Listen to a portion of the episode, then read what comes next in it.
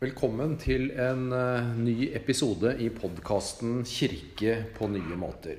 Og nå sitter jeg i eh, Metodistkirken i Horten sammen med Hilde Sanden Bjønnes, som er prest her i menigheten. Er snart i gang med sitt 25. år i menigheten. Det er litt av en milepæl, eh, Hilde. Takk for muligheten til å bli med på denne praten. For du er prest i en menighet som eh, jeg og mange med meg opplever som en veldig spennende menighet. Eh, dere snakker mye om at dere er en åpen kirke midt i byen. Det er fort gjort å merke kjærligheten, omsorgen, det sterke fellesskapet når man er her. Eh, og det er mange som snakker varmt om menigheten. Og aller først har jeg bare lyst til å høre litt med deg. Hvordan opplever du Kirken? Er det, er det riktig, det jeg sier nå? Ja, jeg tror, jeg tror vel det. Eh, jeg håper det iallfall. At jeg opplever sjøl at det er en menighet med mye varme i seg. At de er flinke til å inkludere nye som kommer. Og at eh, det er eh, et levende åndelig liv blant eh, veldig mange av dem. Som gjør at det er lett å snakke om troa si, og samtidig være helt ned på jorda og være menneske sammen med andre. Mm. Og, noe av det som jeg tenker at dere har, har, gjort bra, det er jo eh, Altså Dere har funnet noen veier til å nå folk som bærer på en lengsel. Mange som eh, kanskje aldri har vært kirkegjengere, men også mange som eh, ganske tydelig og aktivt har liksom valgt bort kristentro og kirke fordi det ikke opplevdes som relevant i det hele tatt. Og så møter de noe her. Ja, det er sant, det. Eh det kommer en del slike mennesker som har på en måte lagt vekk i hvert fall kirkegang, og også store deler av troen sin og gudsforholdet de en gang hadde, fordi det ikke fungerte lenger. De kjente at det, det var tomt. Eh, jeg har også en eh, kontemplativ gruppe som jeg har hjemme hos meg, som eh, er åpen for alle, som det kommer om mange utenfor kirken til. Hvor, vi, hvor jeg underviser en del fra Bibelen, og at vi snakker om eh, temaer som eh, kanskje går litt dypere enn det de har eh, hørt før. Eh, og det er fantastisk å se reaksjonen på en del av dem som sier at dette her blir deres åndelige vannhull. Mm. Og at de eh, kjenner at de får mat. Både for livet og for troa si. Og at gudsforholdet eh, fornyes og får helt andre uttrykk, på en måte, enn de hadde hatt og en del av disse kommer jo til kirken nå, og de, til gudstjenester, og sier at de lengter etter å høre forkynnelse, til å kjenne på det varme fellesskapet i menigheten her. Mm. Så det blir jeg jo veldig takknemlig for. Mm. Mm. Hvis du skal si noe om eh, For det, er jo ikke til å stikke under en stol at du har vært ganske instrumentell i det som har skjedd i denne menigheten. Og, eh, og at menigheten bærer eh, et tydelig preg av hvem du er, og hva du står for. Sånn, hvis vi skal inn på litt sånn din, din teologi, gudsbilde og sånn, hva vil du si på en måte kjennetegner forkynnelse og hva du står for? Hadde kanskje andre kunne svart bedre på enn meg. Men eh, jeg forkynner vel i hvert fall en eh, ganske raus Gud, tror jeg. At eh, Gud er alltid større enn det vi tenker. at ingenting i oss er Gud uvedkommende. At vi får lov å leve livet vårt slik det er. Eh, og samtidig oppdage at Gud også bor i oss, og at han ønsker eh, en, en relasjon til oss som handler om kjærlighet.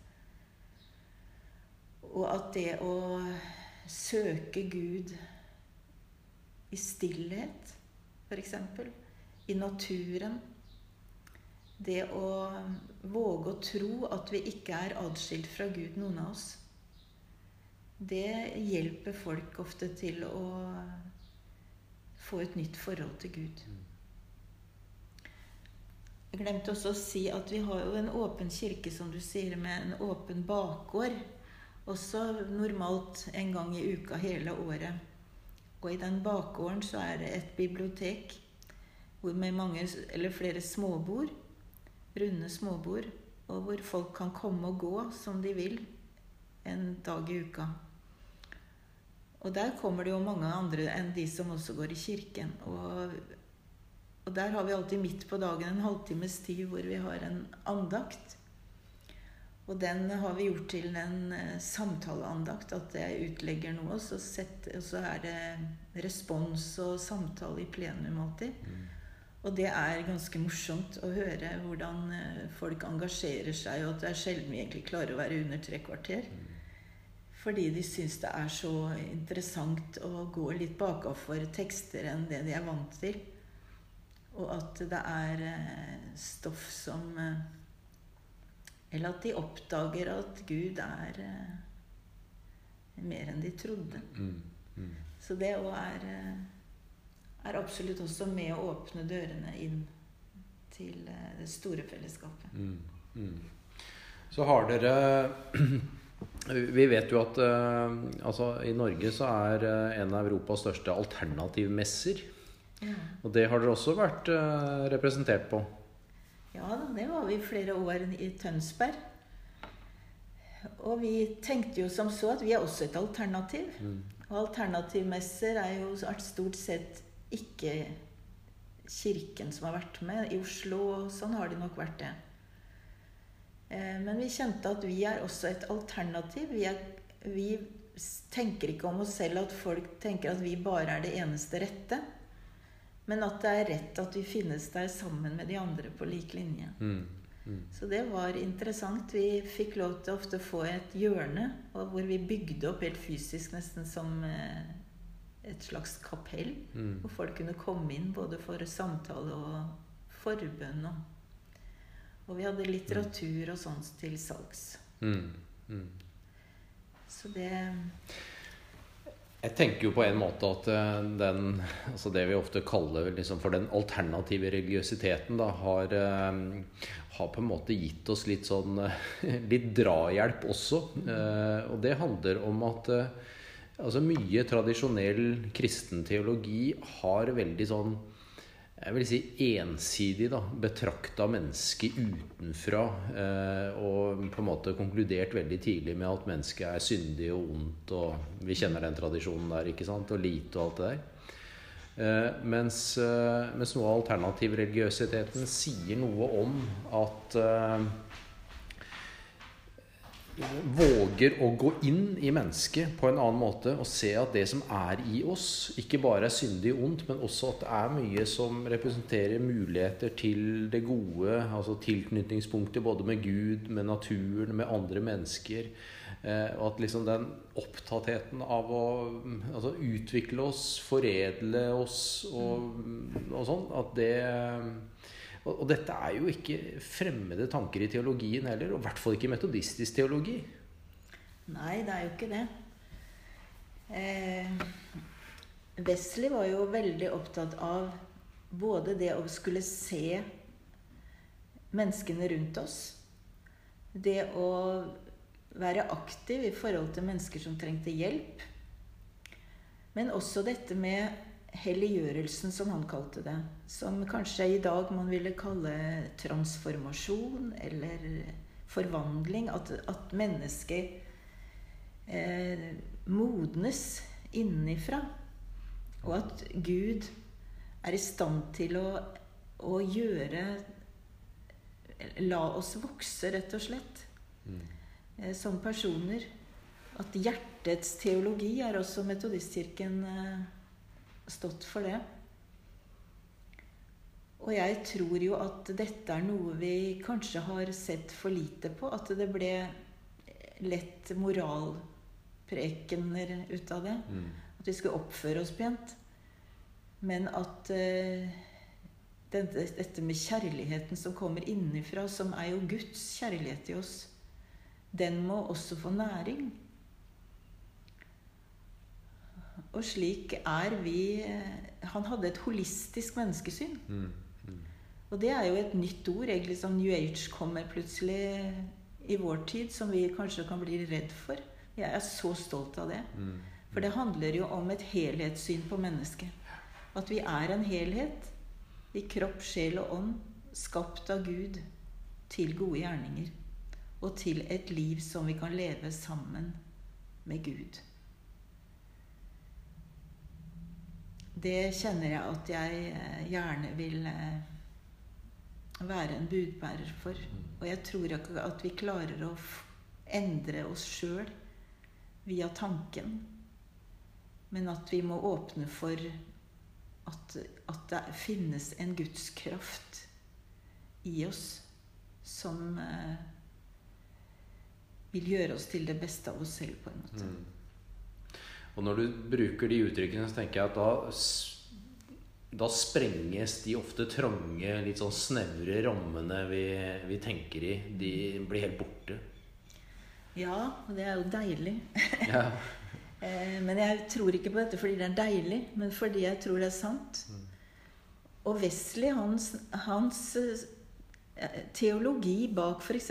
dåpen, hvor vi eh, tenker du at barnet er Guds barn fra det blir født. Eller fra det blir til i mors mage. Hvor han sier at nåden var først. Mennesket var skapt godt fra begynnelsen av.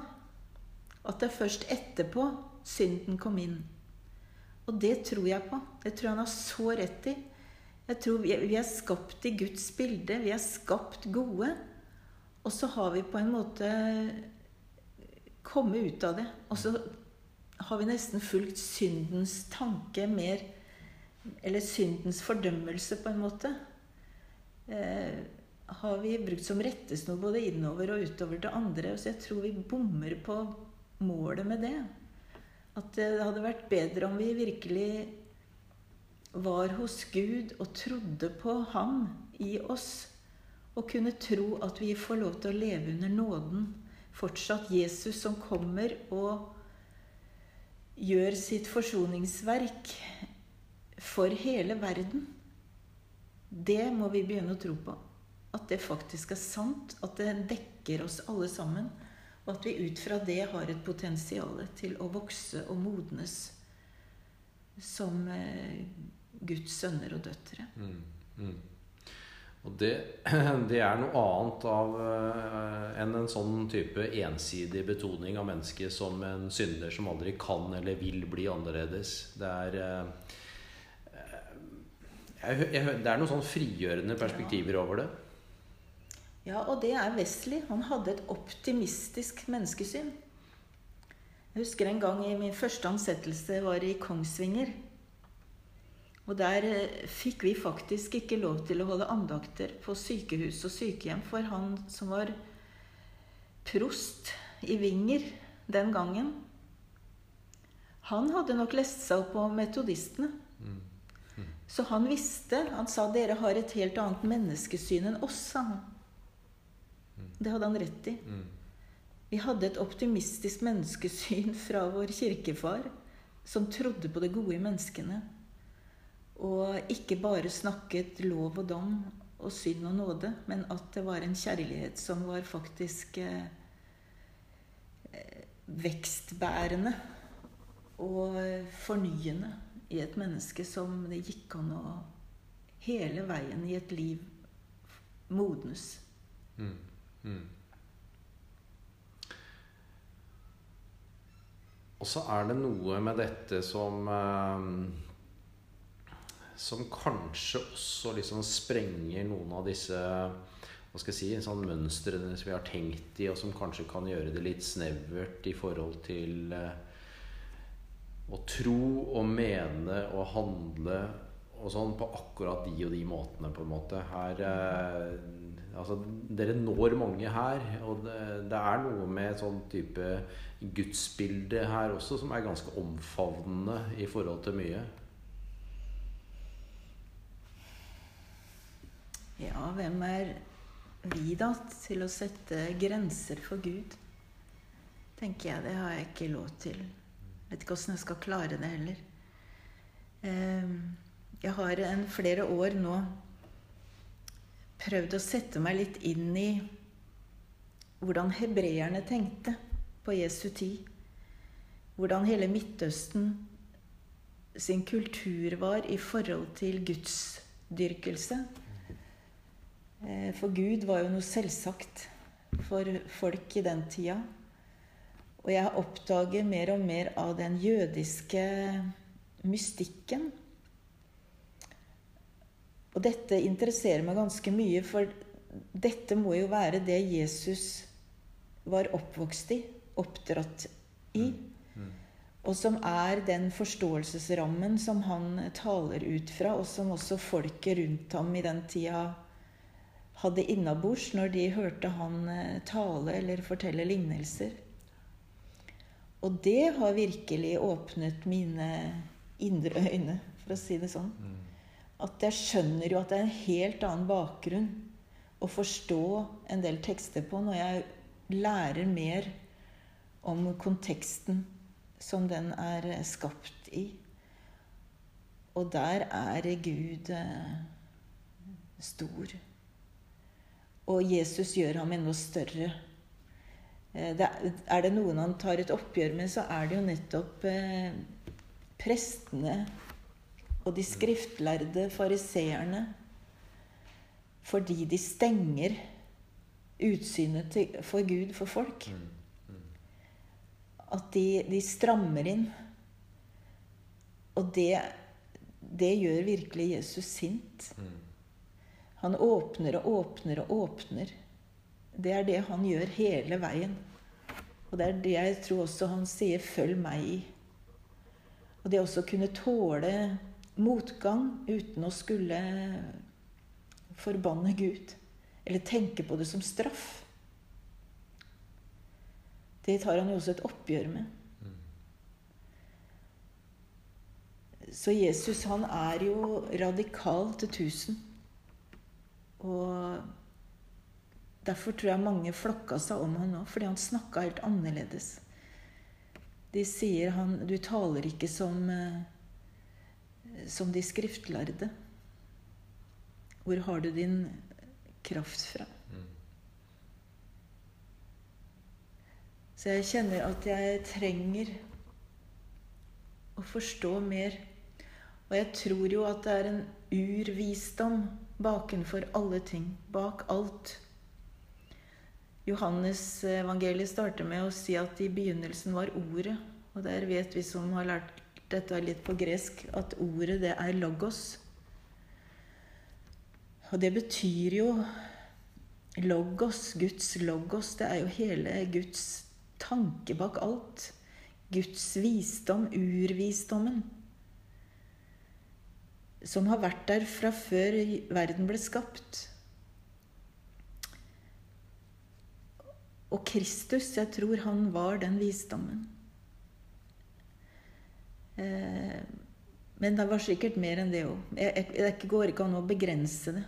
Men jeg tror det er Visdommen på gresk, det var jo Sofia, så det er et hunnkjønnsord. Mm.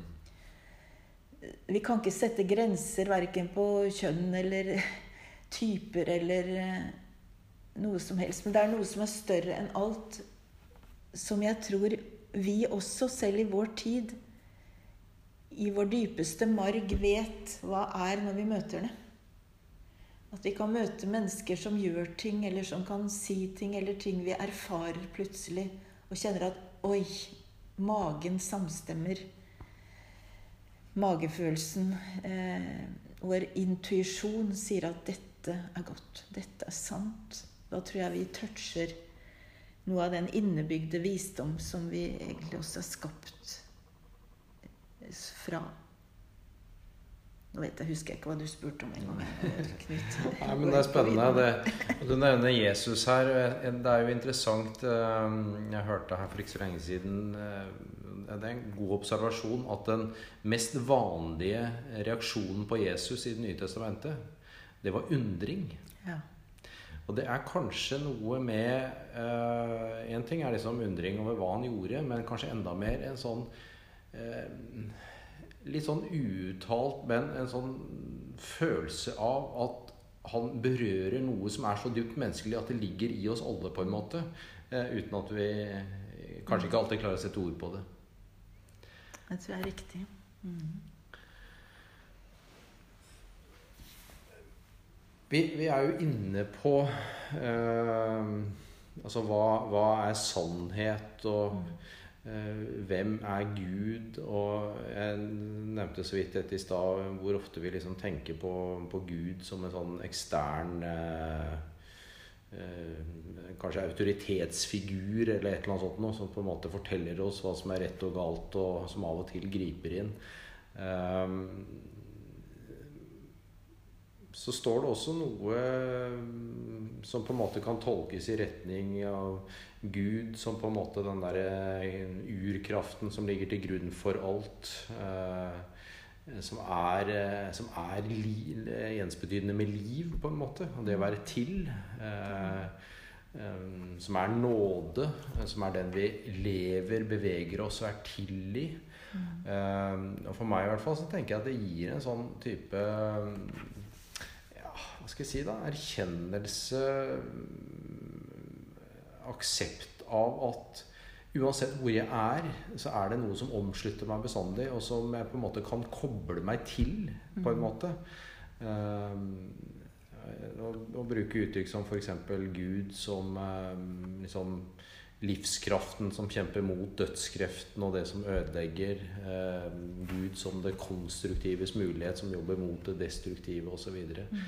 Og da tenker jeg da, da, da er vi også litt sånn inne på at eh, Altså det åpner noen perspektiver og verdener som er ganske store. Mm. Eh, og som vi, som vi kanskje ikke alltid liksom tør å, å, tenke fullt ut. Da. For hva betyr mm. det? Eh, og, og, sette ord på det. Og det, her, her, vet vi jo ikke. Nå er det mer sånn at vi undrer oss på en måte sammen eh, i mm. møte med dette. Mm. Gir det mening? Det, ja, det ja. gir absolutt mening. Jeg tror at du tenker klokt i det. Da Moses sto foran eh, den brennende tornebusken, så fikk han beskjed om at dette er hellig grunn. Ta av deg dine sko. Så fikk han jo et oppdrag. Og så spør Moses, hva er ditt navn? Og da sier han 'jeg er'. Og egentlig på grunnteksten så står det 'jeg er det som er'. Og det er eh, etter hvert blitt min eh, oppdagelse, kanskje. Og det stemmer jo med det Paulus sier, som du nevnte. Det er i ham vi lever og beveger oss og er til. At Gud er i alt. Og det er ikke panteisme, som noen fort eh, prøver å si da. At alt er Gud. Men han er i alt, og det betyr noe annet. Det er panenteisme på fint. Mm. Og det betyr at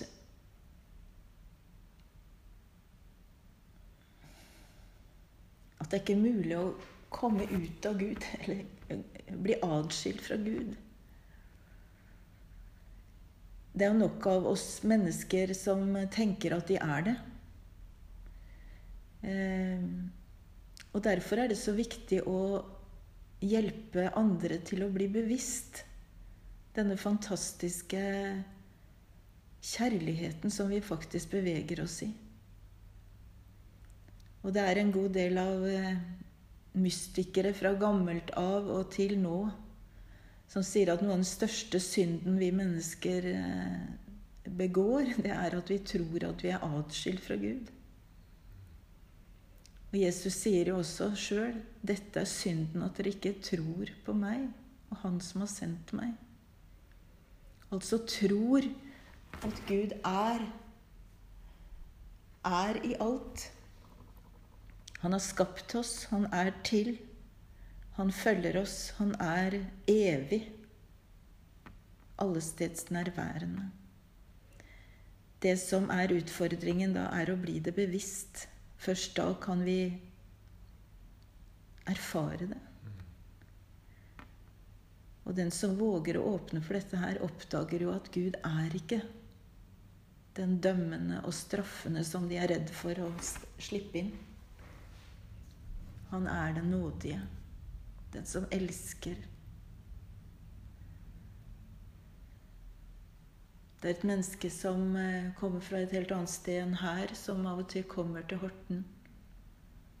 Som har ingen bakgrunn fra verken kirke eller kristentro gjennom et langt liv. Og som sier 'jeg gråter på veien' når jeg skal til deg for at jeg får lov å snakke om Gud.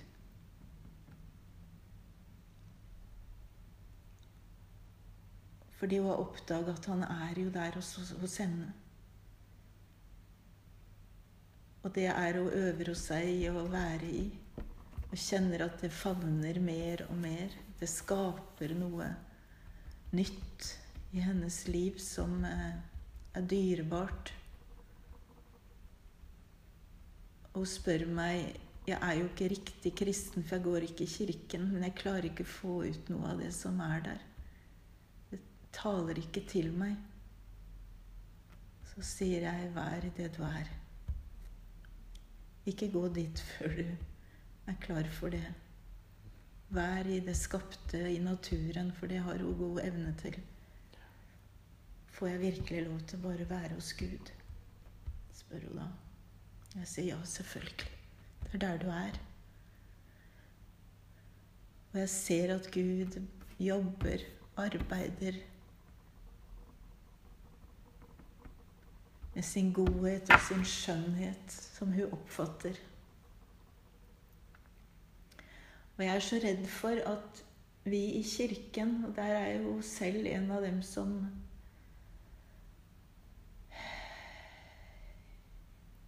heller ikke har så mye å skryte av.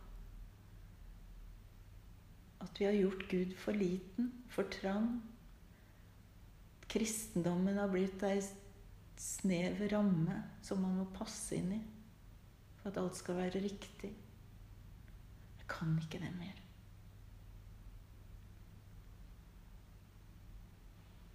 Jeg har bekjent mange ganger eh, kirkens synd, og da tenker jeg ikke bare metodistkirken, men i alle tider, på alle på tvers av samfunn. Hvordan vi har eh, stengt folk ute. Og egentlig så skjønner jeg at det ikke er så mange kristne i Norge etter mange års fordømmelse fra prekestoler. Fordi sannheten i dem sier at dette er feil.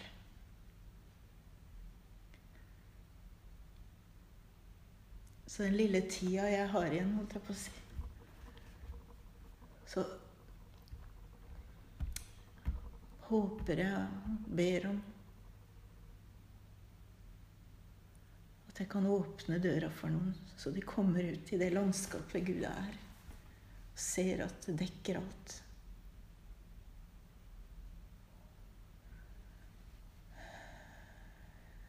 Og det med bønn det handler jo ikke om at vi skal rope på Gud, eller at jeg skal hente Gud inn i mitt liv den stunda jeg ber. Og så er jeg ferdig, og så går jeg igjen en stund ut, og så kommer jeg på å be til den en gang igjen og henter den inn på nytt. Sånn er ikke bønn for meg lenger. Jeg tror at det pågår en bønn i hele universet. Gud er i en kontinuerlig bønn for menneskene. Jesus sier 'jeg går i forbønn for dere'. Ånden sier 'jeg går i forbønn for dere'. Så når vi ber, så er det egentlig Gud som endelig klarer å dra, koble oss inn på seg. At han drar oss inn til å få opp øynene og se at vi er jo hos Gud. Inn i hans bønn. Og derfor har det blitt så godt for meg de siste 20 åra. Å kunne få være stille når jeg ber mye. For hvis jeg skal bruke ord for å snakke med Gud, så blir de for små. Da kan det stenge veien for meg. Hvis jeg kan være stille og bare si 'Nå er jeg hos deg, Gud', får du gjøre det du vil med meg. Så vet jeg han er der og rører ved ting som jeg trenger å bli rørt ved, som ikke jeg aner sjøl hva er. Og selv om jeg kan eh, Plutselig tankene kan fare mange andre plasser så vet jeg at jeg har sagt til Gud nå er jeg her. Og han klarer fint å jobbe med meg selv om jeg farter rundt ute i det ytre overflaterommet mitt. Han jobber mye djupere. Og det gjør noe med oss over tid, det der. Det er ikke for å bli så veldig velsigna det gjør det, men for å være der Gud er. Og kunne åpne for at han får gjort noe i meg som eh, han vil. Og det En av de tingene han gjør, i hvert fall, som jeg kjenner igjen på andre òg, det er jo at verden blir større. Guds kjærlighet blir større og videre og videre og videre. Det er ikke grenser for den.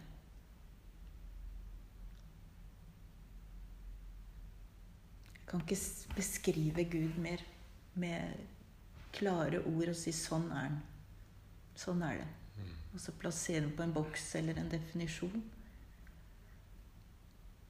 Han er alltid større.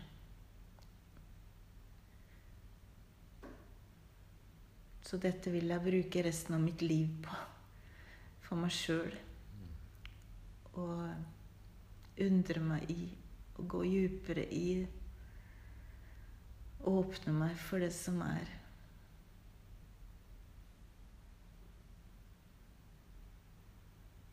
Jeg føler bare jeg har sett eh, en liten prikk av det.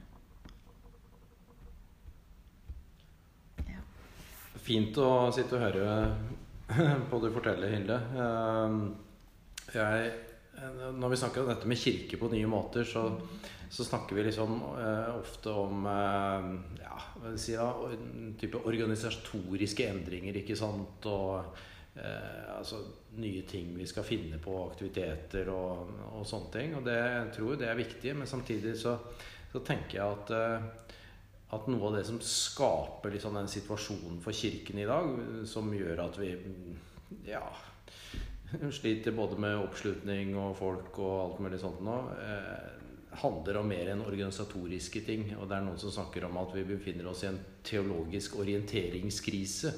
Som handler om at eh, hvordan skal vi snakke både sant, men også relevant om de store ordene som Gud og Jesus og kors og mening og synd og nåde og alt det der. Um, og, eh, og, sånn sett så tenker jeg jo at noe av det du setter ord på nå, er å å liksom gi ord til en teologi, da. Eh, som er eh, Som tar, våger å ta i bruk nye ord og begreper. Og så sier det jo kanskje samtidig at eh, Men dette er også gammelt. Eller det er sånn urgammel visdom. Men, men, i hvert fall litt andre typer ord og begreper enn, enn vi kanskje er vant til. da. Eh, og når du liksom tar inn ord som panenteisme osv., så, videre, så noen vil jo kanskje si at hmm, her er vi over i liksom vranglæren. Hva er dette for noe? Og, og sånne ting. Eh, og samtidig så viser du at dette, dette har lange tradisjoner. Eh, og det fins der. Eh, men, men, jeg er jo veldig enig med deg i at, eh, at kirke på nye måter ikke bare må handle om organisatoriske ting, men at det definitivt også må handle om teologien. Og hva er det vi sier? Hva er det vi, eh, hva er det vi står for? Hvordan formidler vi? Og hvordan på en måte bygger vi de der eh, tilknytningspunktene da, til, til folks liv? Og det du sier, snakker om, er, det er jo svære ting, men samtidig tenker jeg ja, men folk er opptatt av det også. Når man Ja. kommer i et miljø hvor det på en måte går an å artikulere det, sette ord på det og reflektere rundt det. Ja, og jeg tror at Kirken At dette er det unike eh, vi har å bringe inn i et samfunn hvor folk kan få mye bedre underholdning andre steder, for å si det sånn. Eh, det fins også mange fellesskap rundt i samfunnet som ikke er eh, religiøse, som fyller behov. Eh, jeg tror på en kirke som eh, som kan danne celler, på en måte. Eh, ulike møtepunkter hvor vi kommer under huden på hverandre. Hvor eh, ikke det bare skal være det sosiale. Det sosiale er også viktig. Det er veldig viktig med varme fellesskap. Hvor man kjenner seg velkommen. Det tror jeg er punkt én. Og det har jeg sagt til menigheten i alle år. Og det, det har de Det, det gjør de. Det er de, altså. Mm. Fantastisk. Men inn i det så blir det også tryggere å kunne snakke om djupere ting. Mm. Og dele noe av livet sitt. Med feil og mangler og også det vi lengter etter. Og jeg tror at eh, At vi som er prester også i kirken, at vi eh,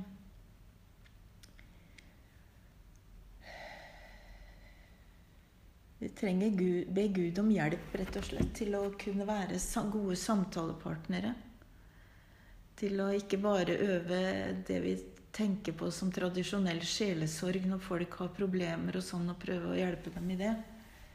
Men at vi er åndelige veiledere. Åndelige mødre og fedre, og det kan også legfolket være. Det ønsker jeg og drømmer jeg også om, at vi kan være mange som kan eh, møte mennesker i deres dype åndelige lengsel. Og være med å peke mot Kristus. Peke mot eh, Guds godhet.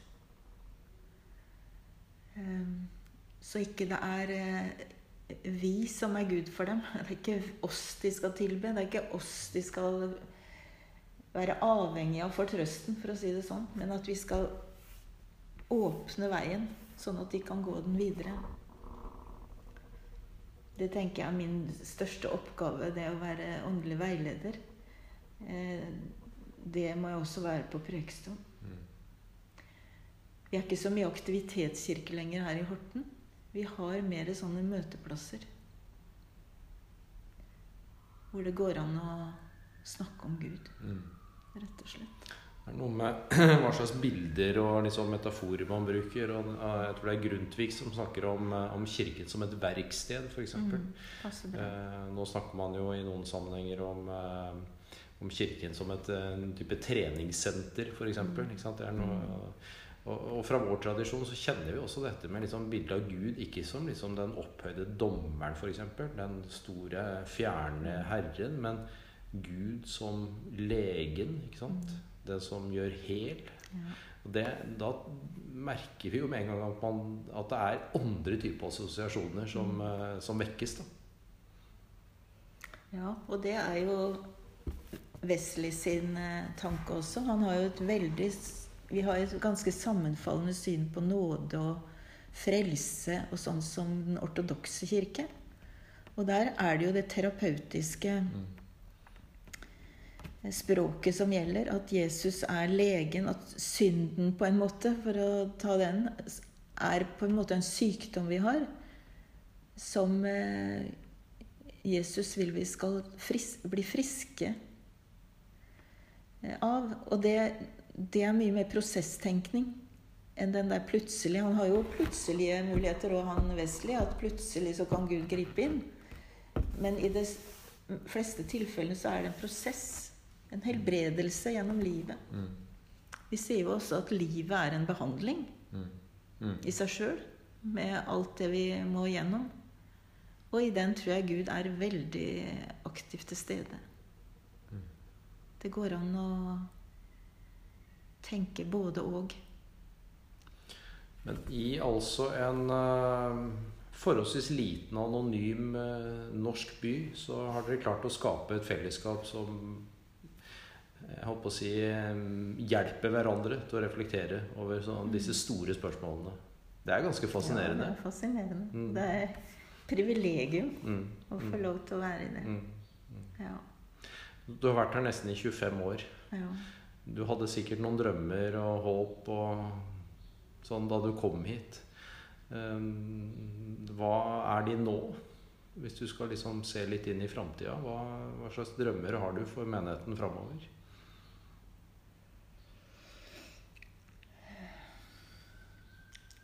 Jeg håper jo inderlig at den eh, skal fortsette å vokse. Ikke bare i tall, men i, i eh, innhold, rett og slett. Og at, eh, at eh, mennesker som henter næring her, kan spre det videre der de lever. Jeg vet jo ikke om hvordan Kirken vil se ut om ti år her. Vi sliter om et gammelt bygg og utgifter med det. Og mange av de aktive har jo mye annet også de er engasjert i, som eh, krever sitt. Men det som jeg tror og håper skal overleve, det er jo denne kjernen av Guds kjærlighet blant oss. Denne varmen i fellesskapet. At den må få gro sånn som man vil, egentlig. Eh,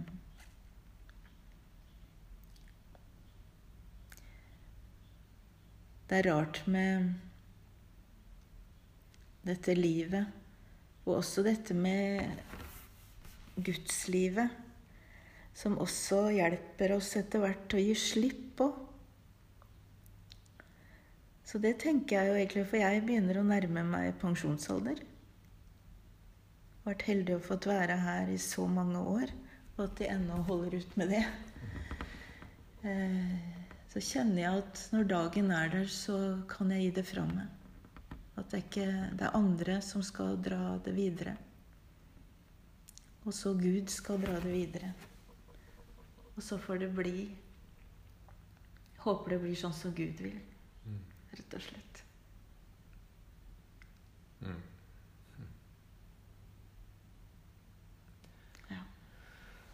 Takk for en uh, inspirerende prat, eh, Hilde. Og takk for, uh, for din tjeneste her i menigheten. Og fortsatt lykke til med alt det du står i. Takk igjen.